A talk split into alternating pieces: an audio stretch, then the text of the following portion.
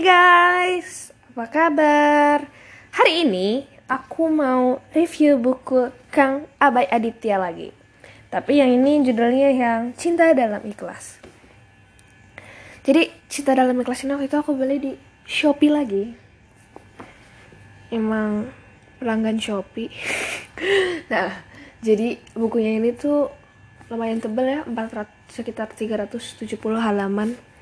Nah, ini bukunya ini seru ya tentang orang yang berhijrah lagi. Tapi ini lebih kayak ke anak mudanya gitu lebih kayak ke anak SMA kan kalau yang cinta dalam ikhlas yang kemarin udah di upload itu kan yang udah kuliahan gitu yang udah kerja. Nah ini kalau yang kang Abah ini tuh dia yang cinta dalam ikhlas ini tuh dia yang seri SMA-nya lah gitu. Jadi ceritanya ini tuh adalah Atar. Jadi At, uh, Atar itu udah kehilangan bapaknya sejak umur 7 tahun kalau nggak salah. Nah sejak itu dia tuh kayak menjadi tulang punggung keluarga ibunya. Nah setelah itu tuh akhirnya dia belajar belajar terus karena dia pengen jadi kayak tetehnya. Karena tetehnya tuh bisa kuliah ke perguruan tinggi dengan uangnya sendiri dan bisa membantu keluarga. Jadi dia pengen kayak tetehnya itu. Sayangnya ketika tetehnya mau, udah menikah jadi pas kuliah itu belum selesai semester 4 itu tetehnya tuh nikah dan nggak taunya nggak lama tuh lagi hamil dan nggak taunya tetehnya tuh meninggal. Jadi dia tuh kayak terpuruk banget habis itu. Tapi dia coba bangkit lagi karena dia tahu ada ibunya yang harus dia bantuin. Jadi ketika SMP itu dia kayak udah mulai agak-agak rebel gitu loh. Dia kayak main gaple gitu. Sampai ibunya tuh marah sama dia karena ibunya udah mengusahakan segala yang terbaik tapi dia malah nggak sungguh-sungguh pas di sekolahnya gitu. Nah terus pas SMA dia ketemu sama perempuan bernama Aurora Cinta Purnama dipanggilnya Ara. Nah, jadi dia ini suka sama Ara tapi dia nggak berani deketin karena dia ngeliat Ara tuh kayak uhti banget gitu. Uh kayak serajin sholat terus ikut rohis pakai kerudung gitu. Sedangkan dia waktu itu tuh belum ngerti agama sama sekali jadi dia tuh masih kayak anak band gitu loh. Nah sedangkan yang ada di pikiran dia tuh udah masa anak band mau deket sama anak rohis? gitu. Jadi dia jadi deketin si Ara ini gitu. Walaupun dia sebenarnya masih suka sama si Ara. Nggak akhirnya dia mencoba untuk berubah.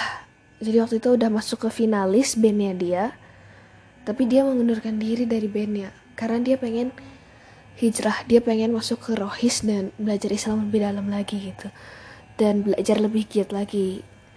Ah, nggak taunya setelah dia meluruskan niatnya itu dia yang tadi ada di ranking terakhir jadi bisa ranking pertama. Nah sejak saat itu dia lebih giat lebih giat lebih giat lagi dan bahkan sampai diangkat jadi ketua rohis. Nah dia tuh berharap waktu itu kayak supaya dilirik sama si Ara gitu. Jadi Ara tuh tahu dia gitu. Terus sampai pas akhirnya hari kelulusan dia ngomong sama Ara pas lagi kayak study tour gitu. Dia ngomong kalau tentang perasaan dia kalau dia suka sama Ara tapi dia nggak minta jawaban apa pun Nah setelah lulus itu dia akhirnya pindah ke Bandung. Lanjut kuliah di sana bareng sama Kang Zain. Jadi temennya Mamat. Itu Mamat punya kenalan kuliah di Bandung namanya Kang Zain. Nah Atar ini dia tuh ngekos bareng sama Kang Zain ini pas pertama-tama baru dateng. Nah terus sama Kang Zain itu diajarin bisnis gitu. Bisnis kayak gantungan kunci, souvenir-souvenir gitu lah nah terus nggak taunya hingga suatu saat tuh dia pengen belajar sama orang Tegal di kontrakan bawah yang jualan celana jeans. Nah diajaklah jualan di alun-alun. Tapi pas sebelum diajak jualan ke alun-alun itu tuh mas-mas yang jualan celana jeans itu nanya kamu bisa lari cepet nggak? Nah terus Atar kan waktu bingung kan Terus dia jawab bisa kok bisa lari cepet. Nah nggak lihat pas lagi jualan dari Satpol PP akhirnya lah mereka itu lari gitu. Sampai itu yang jual celana jeans itu saya masuk kot gara-gara saking ketinggalan sama Atar larinya dan dia pengen nyusul tapi karena barang bawaannya berat jadi jatuh ke got itu. Nah hingga terus Atar ini tuh dia jadi kayak semacam bisnis konsultan gitu lah. Kayak dia bantuin Pak Farhan. Nah Pak Farhan itu dia punya butik punya anaknya dan Pak Farhan ini tuh minta Atar yang ngejalanin karena Pak Farhan tahu kalau misalnya Atar ini tuh dia bisa bisnis dan dia tuh amanah gitu. Nah terus katanya pas udah bisnisnya sukses itu tuh uh, Pak Farhan tuh ngajak apa minta uh, uh, si Atar ini tuh supaya ngelamar anaknya Salsabila tapi waktu itu Atar tuh masih punya harapan sama Ara. Dan gak taunya Kang Zain itu tuh suka sama Nah karena Atar tahu Kang Zain suka sama Bila akhirnya lah uh, Atar ini nolak permintaannya Pak Farhan ini. Dan bilang kalau ada yang lebih cinta sama si Salsabila ini. Nggak tahu itu sih Kang Zain. Akhirnya dan itu pas bilang kayak gitu tuh sempat sakit Pak Farhannya itu sakit di opnam di rumah sakit.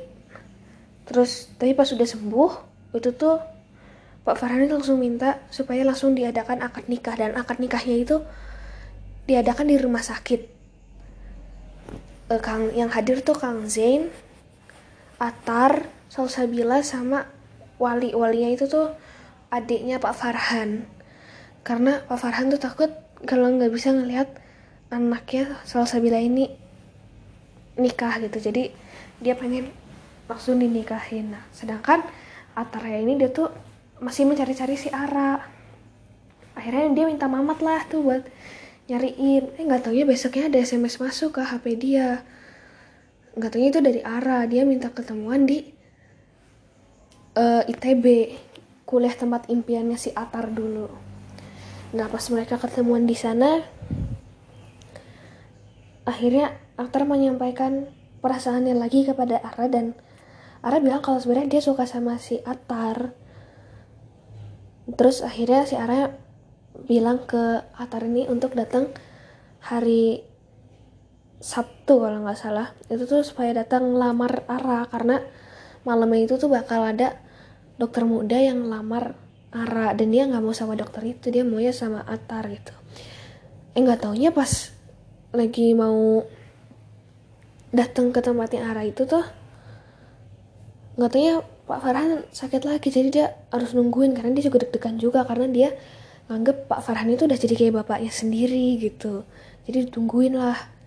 Dan katanya pas sudah siuman dia langsung pergi ke tempat yang Ara dan dia langsung ngelamar Ara ini dan bapak apa nggak taunya bapaknya Atar sama bapaknya Ara itu dia kenal kenal deket karena pernah satu pengajian. Dan langsung di approve deh itu si Atar sama bapaknya Ara. And happily ever after. Uh, menurut aku ini ceritanya seru banget. Apa ya karena di situ ada bisnis tentang bisnis dan ada yang masih nempel banget tuh di kepala aku tuh kata-katanya Atar a goal is a dream with a deadline.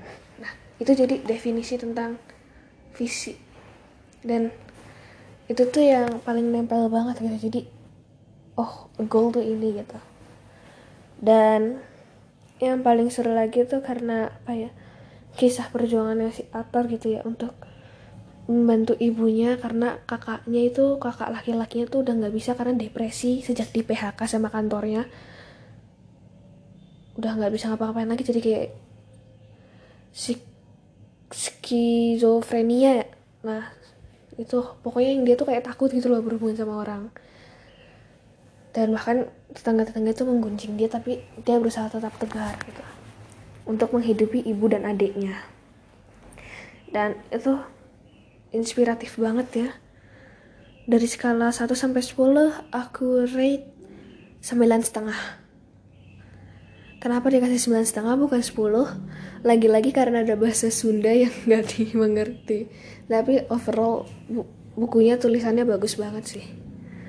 So jangan lupa beli dan baca bukunya juga. Stay safe at home ya guys.